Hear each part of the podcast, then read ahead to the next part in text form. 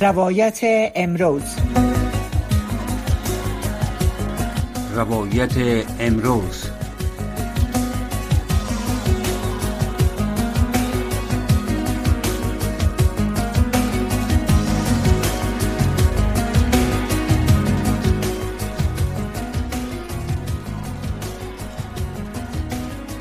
بینندگان و شنوندگان محترم سلام. به برنامه روایت امروز خوش آمدین. امیدوارم که روزهای خوبی را سپری کرده باشین روزهای عید به خوبی سپری شده باشه. امیدوارم که با تمام اعضای خانوادهتان دوستا و رفیقا همه خوش و آرام و صحت باشین. طبق معمول روز سه شنبه برنامه روایت امروز روی موضوعات مرتبط به زنان اختصاص میتیم تنها سری مسائل بحث می‌کنیم. چگونگی وضعیت زنان تحت حاکمیت طالبان اخبار مرتبط به خانم ها صحبت می‌کنیم. در برنامه امروز از دکتر راهله کویر فعال حقوق زن دعوت کردیم که با ما در برنامه باشه.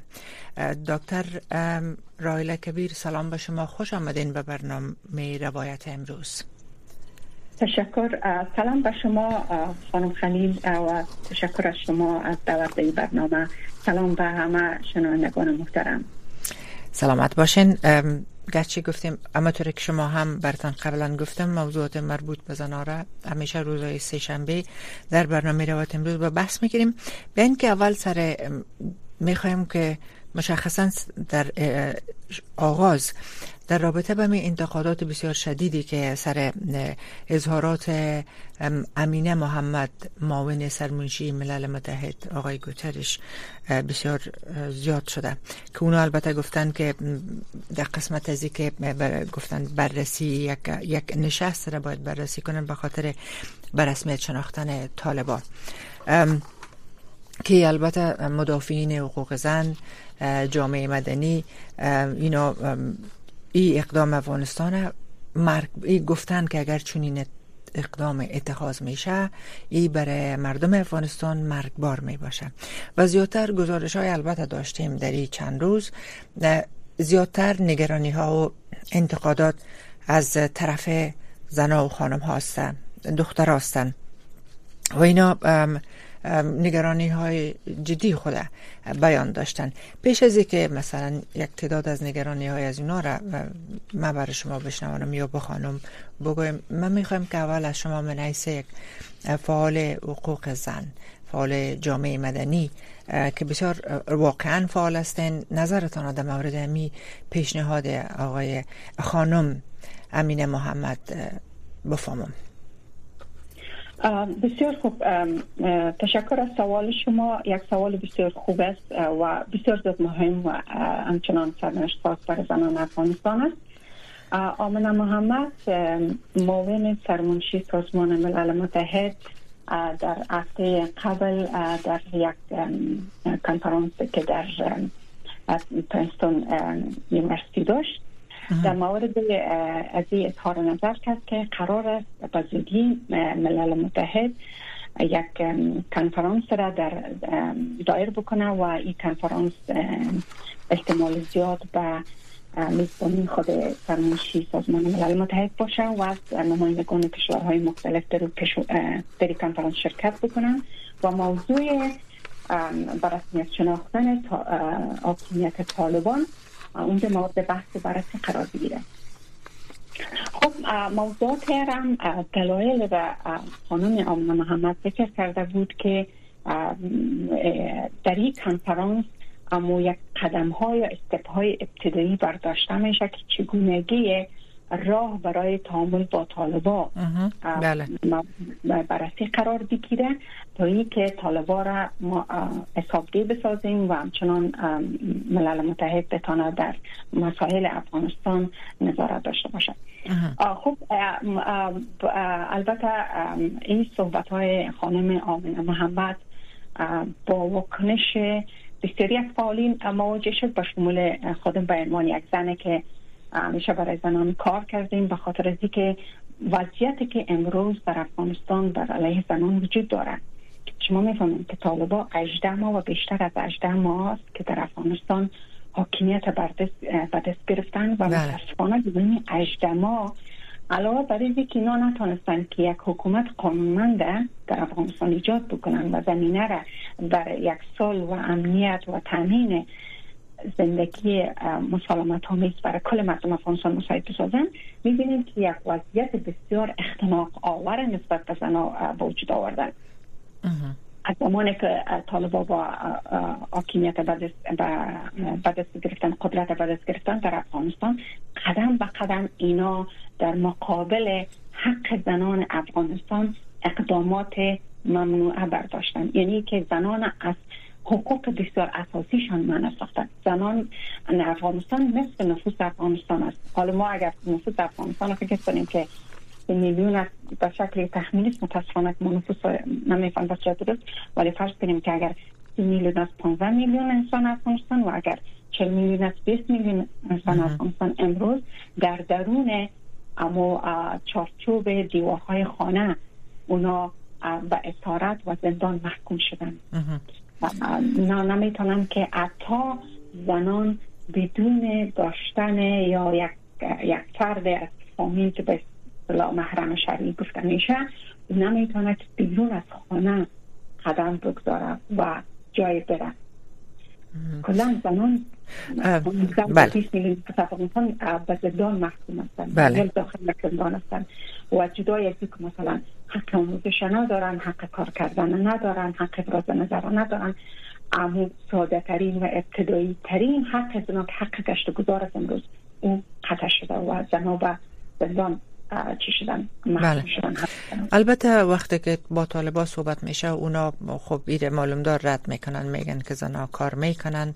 و مکاتب هم روش بالاتر از شش سرش تصمیم گرفته میشه سرمو نصاب درسیش کار میشه و این انتقادات وقتی که برشان راجع شده که مثلا زنها را خانشان دین و اینا یک تعدادشان اتو میگن که اونمو خودش در واقع حفظ احترام زناست حفظ عیسیتشان است که در خانه باشن و یعنی زیادتر عطایی رو میگن که بیشتر حال زیادتر از حقوق خود برخوردار هستن.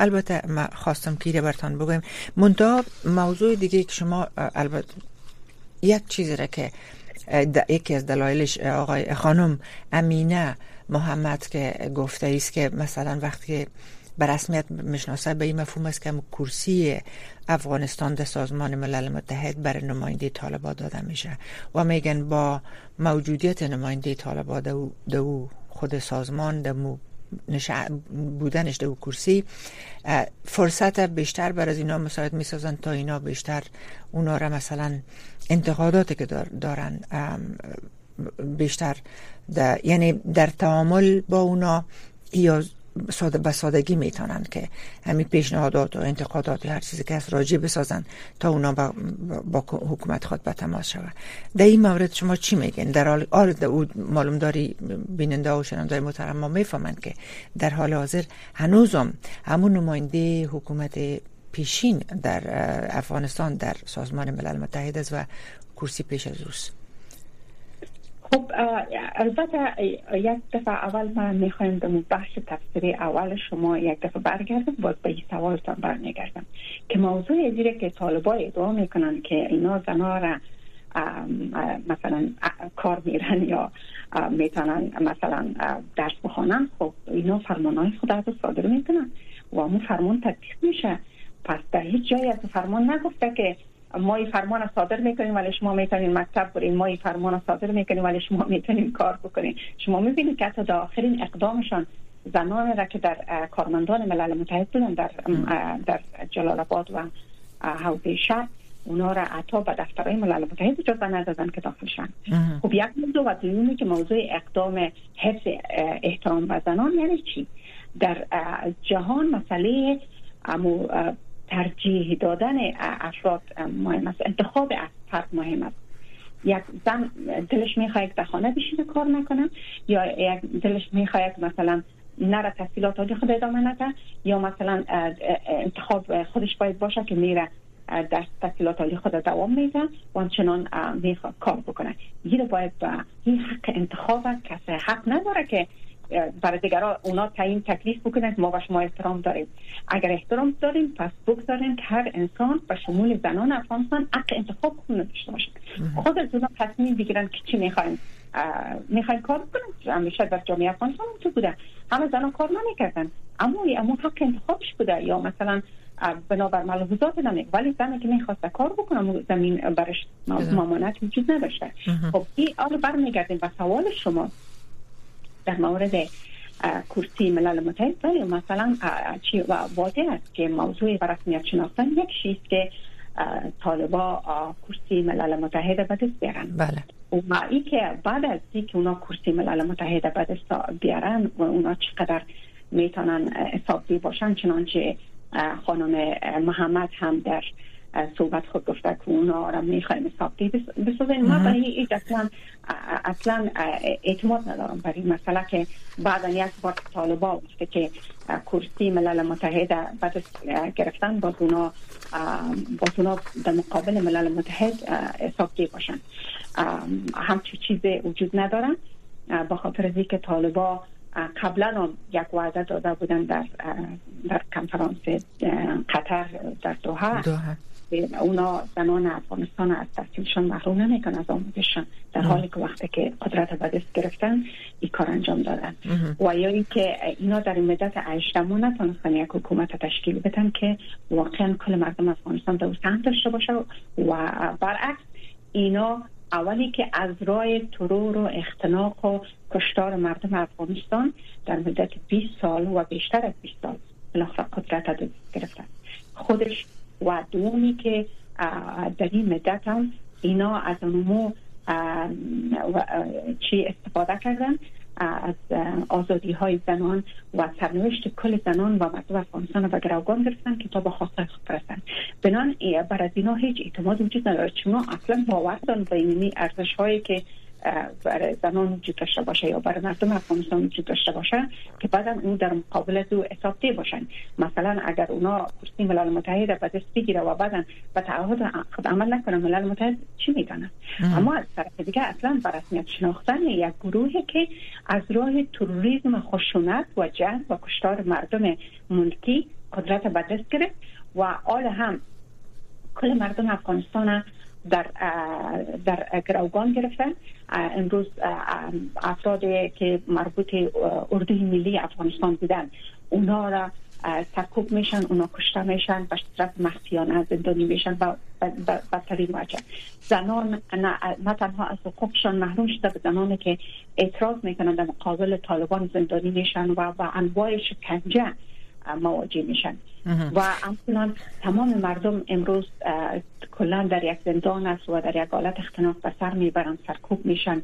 و انواع فشارها را مواجه هستند. شناختن حکومت طالبان در امروز وضعیت وجه ترور و خشونت و زورگویی رسمیت داده میشه. برای به اون قانونیت داده میشه.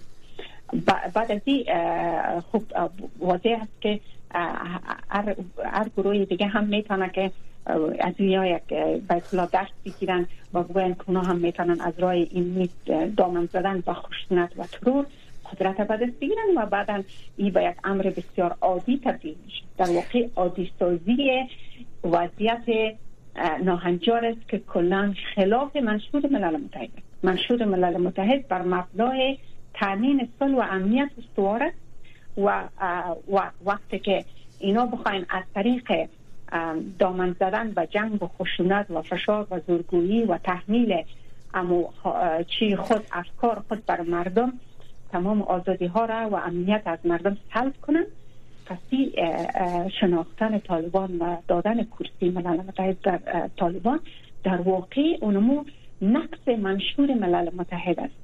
که بر مبنای تامین صلح و امنیت استوار است. دکتر کویر شما بله ببخشید شما البته این موضوع گفتین که در 20 سال اینا قتل و کشتار و انتحاری و این مسائل که این سوال هم طرح شده با طالبا. با سخنگوهای شما اونا میگن که چون در 20 سال گذشته کشور اشغال شده بود توسط بیگانه ها و اینا علیه از اونا جنگیدن و فعلا کشور خود آزاد ساختن. یکی و دیگه این مسائلی که فعلا خشونت ها علیه زنا صورت می‌گیره و علیه نظامیان اینا اینا را کاملا رد می‌کنن و میگن که کلش پروپاگند دشمن است. البته من می‌خواستم که میره برتان بگویم شما هم ممکن است شنیده باشین. شما در قسمت بر رسمیت شناختن افغانستان که اینا پیشنهاد کردن خانم امینه محمد کیانی گفته که بررسی شوم این مسئله. و گفتین خلاف منشور ملل متحد هستن. منتقدین میگن که خب ممکن است یا یا مفسرین سیاسی میگن که این موضوع که این کنفرانس که به تاریخ اول می دایر میشه. میگن که این مسئله ممکن است که یاد شوه سرش سرش صحبت صورت بگیره اما نتیجه نمیده. و شما میگین که خب خلاف منشور ملل متحد است چقدر فکر می‌کنین که احتمالش موجود است؟ شما چی فکر می‌کنین؟ آیا واقعا به بررسی خب گرفته اگه شوه چقدر امکان از این موجود؟ و یکی مسئله دیگه که هست که کشورهای عضو ملل متحد مخصوصا پنج عضو دائمیش اینا تصمیم گیر هستن. چقدر فکر می‌کنین که اینا حداقل ما چند کشور روسیه و مثلا چین اینا رو می‌فهمیم که روابط بسیار خوب داره با طالبا؟ چقدر فکر می‌کنه امکان ازی است که ممکن است اینا رای بتن به طرفداری از شناختن شناسایی طالبا به رسمیت شناس البته که فکر می‌کنم سخنگوی ملل متحد بود من مطمئنا خواندم که او اظهار نظر کرد در مورد که این حق کشورهاست یا صلاحیت کشور خاص اونا تصمیم بگیرن بله. حالا به رسمیت مشناسن یعنی و طبعا که محور از این تصمیم گیری منشور ملل متحد است. بله. قطعا باید این مسئله صلح و امنیت مطرح شود و صلح تنهایی نیست که مثلا در یک جای فقط جنگ نباشه یا انفجار نباشه که مثل که در سالهای گذشته در افغانستان بود.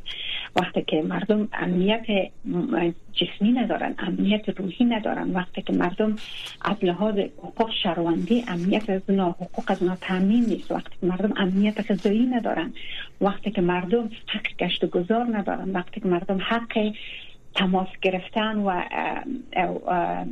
چه اتصال با جهان دیگر ندارن. تمام از اینا جز امنیت تعریف میشن و صلح تنهایی نیست که مثلا جنگ باشه یا یک جنگ داغ وجود نداشته باشه یک جنگ گرم وجود نداشته باشه. صلح به این است که هر کس بتانه احساس آرامش کنه. و هر کس مطابق اونمو انتخاب خود در چارچوب قانون زندگی کنه. و هر کس بتانه که طرز زندگی خودانو به صورت آرام داشته باشه. بنابراین این تعریف رو وقتی که ما در داخل ملل متحد می‌بینیم و در اساس منشور ملل متحد می‌بینیم هیچ هیچی از این ارکان و اجزا در افغانستان وجود نداره که ما تعریف بکنیم که بله افغانستان در سلام است. پس کشورهایی که تصمیم می‌گیرن بر اساس چی تصمیم می‌گیرن؟ البته خب باز ببینیم کشورها ولی مشخصا اگر ما به شورای امنیت برگردیم و اعضای زود پنج عضو دائمی است خب مسائل سیاسی البته زیاد چون در مسائل حقوق زنان چی هستم؟ دخیل هستم. طبعا که البته حق زنان یک, یک تنها یک موضوع معلق در هوا نیست. طبعا که بستگی به تمام شرایط دیگه و فاکتورهای دیگه داره که در افغانستان تاثیر گذار هستن.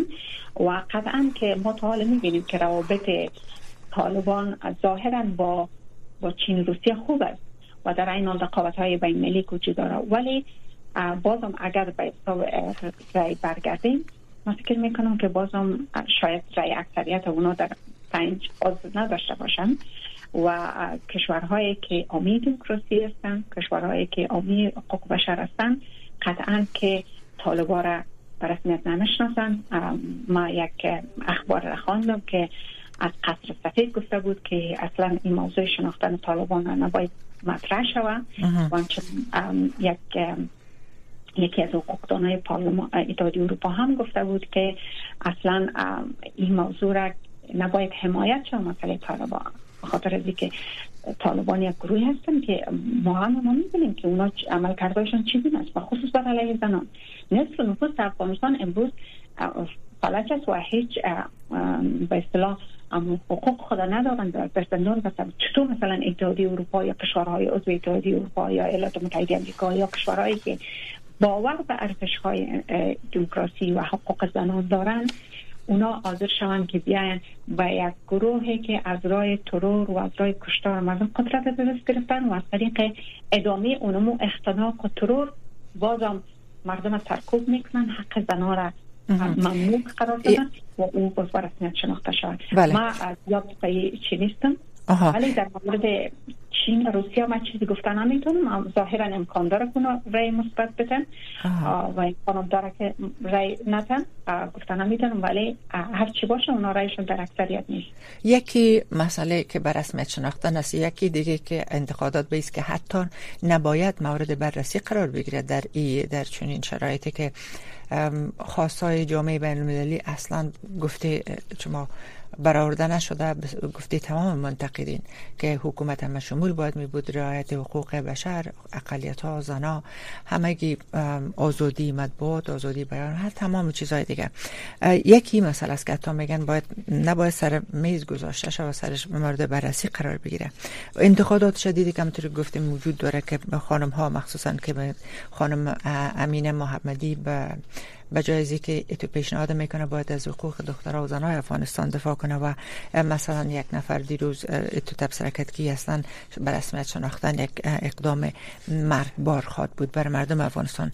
همچنان آقای امرالله صالح معاون رئیس جمهور نظام پیشین اونا نوشتند که ظاهرا محمد امینه محمد مسلمان است و او پیشنهاد کرد که طالبا به رسمیت شناخته شود. الان تو گفتیم میگه که آقای صالح نوشته که آیا خود امینه محمد حاضر است که کمتر از یک سال از عمر خود تحت سلطه طالبان بگذرانه و به شریعت آنها اونا پایبند باشم و مثل یک سایه پشت دیوار باشه و بعدا گفته که این غیر ای باور نکردنی و چیز مزخرف است. و در این حال البته این انتقادات معلومدار به گوش خود خانم امینه محمد رسیده.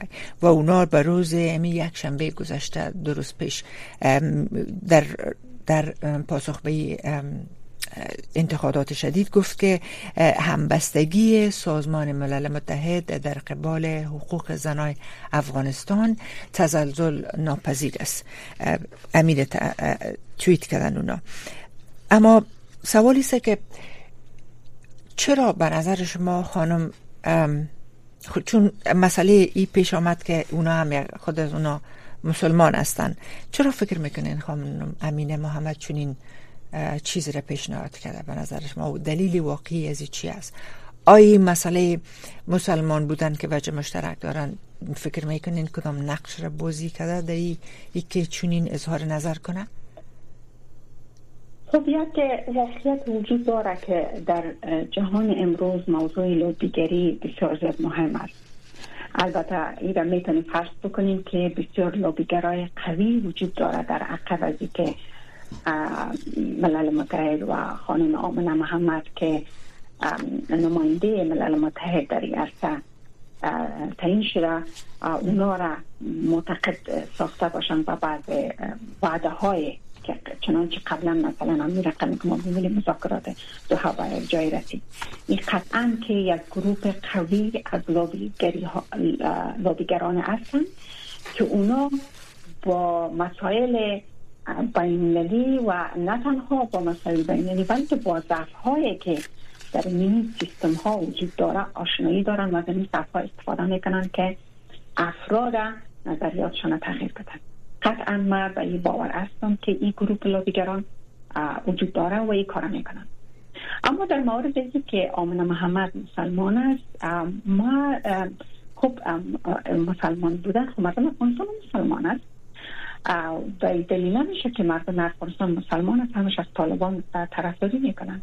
طالبان از اصلا او اندیشه تفاوت های زیاد بین آنچه که طالبان می‌خواین و مردم افغانستان می‌خواین وجود دارن ولی یک موضوع دیگر هم که من فکر می‌کنم است که آمنه محمد با ساختار اجتماعی افغانستان و واقعیت های درون جامعه افغانستان آشنا نیست. مشکل در اینجا است که نماینده هایی که از چی در سطح ملل متحد و کشورها برای افغانستان انتخاب میشن اونا از دیدگاه بسیار مسائل کلان فکر می‌کنن که چگونه مثلا بیاین جاده را هموار کنن برای سال. بله. و این کاملا این امیدواری در صحبت های خانم آمنه محمد دیده میشه میگه ما قدم های ابتدایی رو بر میداریم و در اونجا سب بی بی از امو سب بی بی زیاد می‌کنن. بله بله. های ابتدایی رو بر میداریم تا تا مثلا طالبا حساب بسازیم. ولی به خاطر از این امیدواری رو در سطح کلان می‌بینه که ما یعنی بتانیم که امی راه را باز کنیم که تا بالاخره به یک سال برسیم. بله. خب، از دید ارزش ها بله که یک چیز درست است. اقدام درست است. اما آنچه که در افغانستان میگذرم متاسفانه که همیشه انزمی مسائل استفاده شده. بله در رابطه با می تفسیری قبلی شما گفتین که اصلا آگاهی نداره از افغانستان از وضعیت افغانستان وضعیت زنا. اتفاقا وقتی که اینا ایده فقط یک دفعه سفر کرد چند ماه پیش و اونو وقتی که پس برگشتن در یک مصاحبه با یکی از تلویزیون ها گفت که یک جملهشان یادم است که گفت حتی مقایسه کرد وضعیت فعلی افغانستان گفت که به قرن افت برگشته. قدر به قهقرا برگشته یعنی پس رفته. و وضعیت زنها را بسیار. و تا ایر گفت که گفت که وقتی که با طالبا با رهبر با مقام هایش صحبت می‌کرد و اونا طور به ما گفت به من نگاه می‌کردن که گویا تو باعث یک زن چرا همیجه هستی؟ چرا اینجا آمدی؟ چرا هستی؟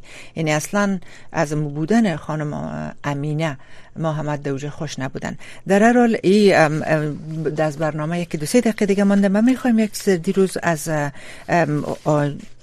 خود طالبا از سخنگویشان من می‌خواستم که واکنش از اینا رو در رابطه با گزارش که تهیه کرده بودم بگیرم. اونا آقای مجاهد بر ما پیام گذاشت که امارت اسلامی افغانستان می‌خواه با تمام کشورها روابط احسنه داشته باشه و این روابط البته ارتباط می‌گیره با تعامل جانبین. سازمان ملل متحد گفت که در راستا نقش کلیدی رو می‌تونه داشته باشه و گفت که حق مردم افغانستان است که کرسی افغانستان در ملل متحد کرسیش بر از اونا سپرده شده و از کشور خود نمایندگی بکنن و همچنان گفته ای گام در بین همه کشورها و افغانستان یک اعتماد خوبی را به میان آورده می‌تونه. ای البته نظر آقای زبی الله مجاهد بود که دیروز بر ما در قسمت داد.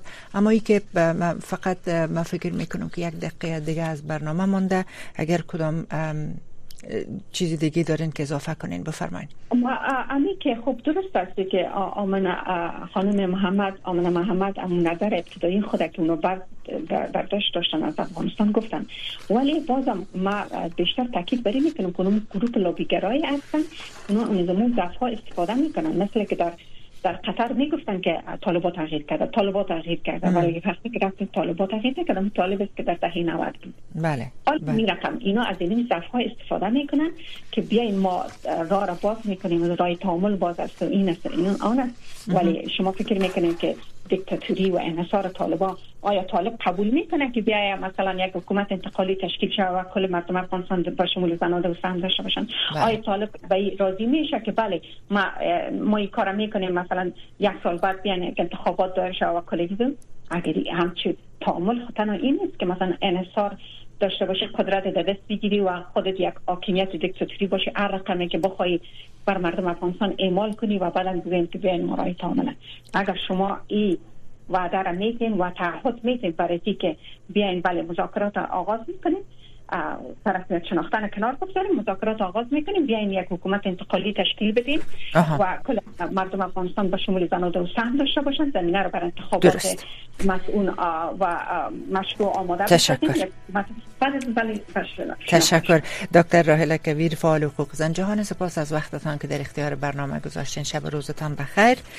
شنوندای محترم باز هم تا چند لحظه دیگه در برنامه ستاسو یا صدای شما ما با شما خواهم بود.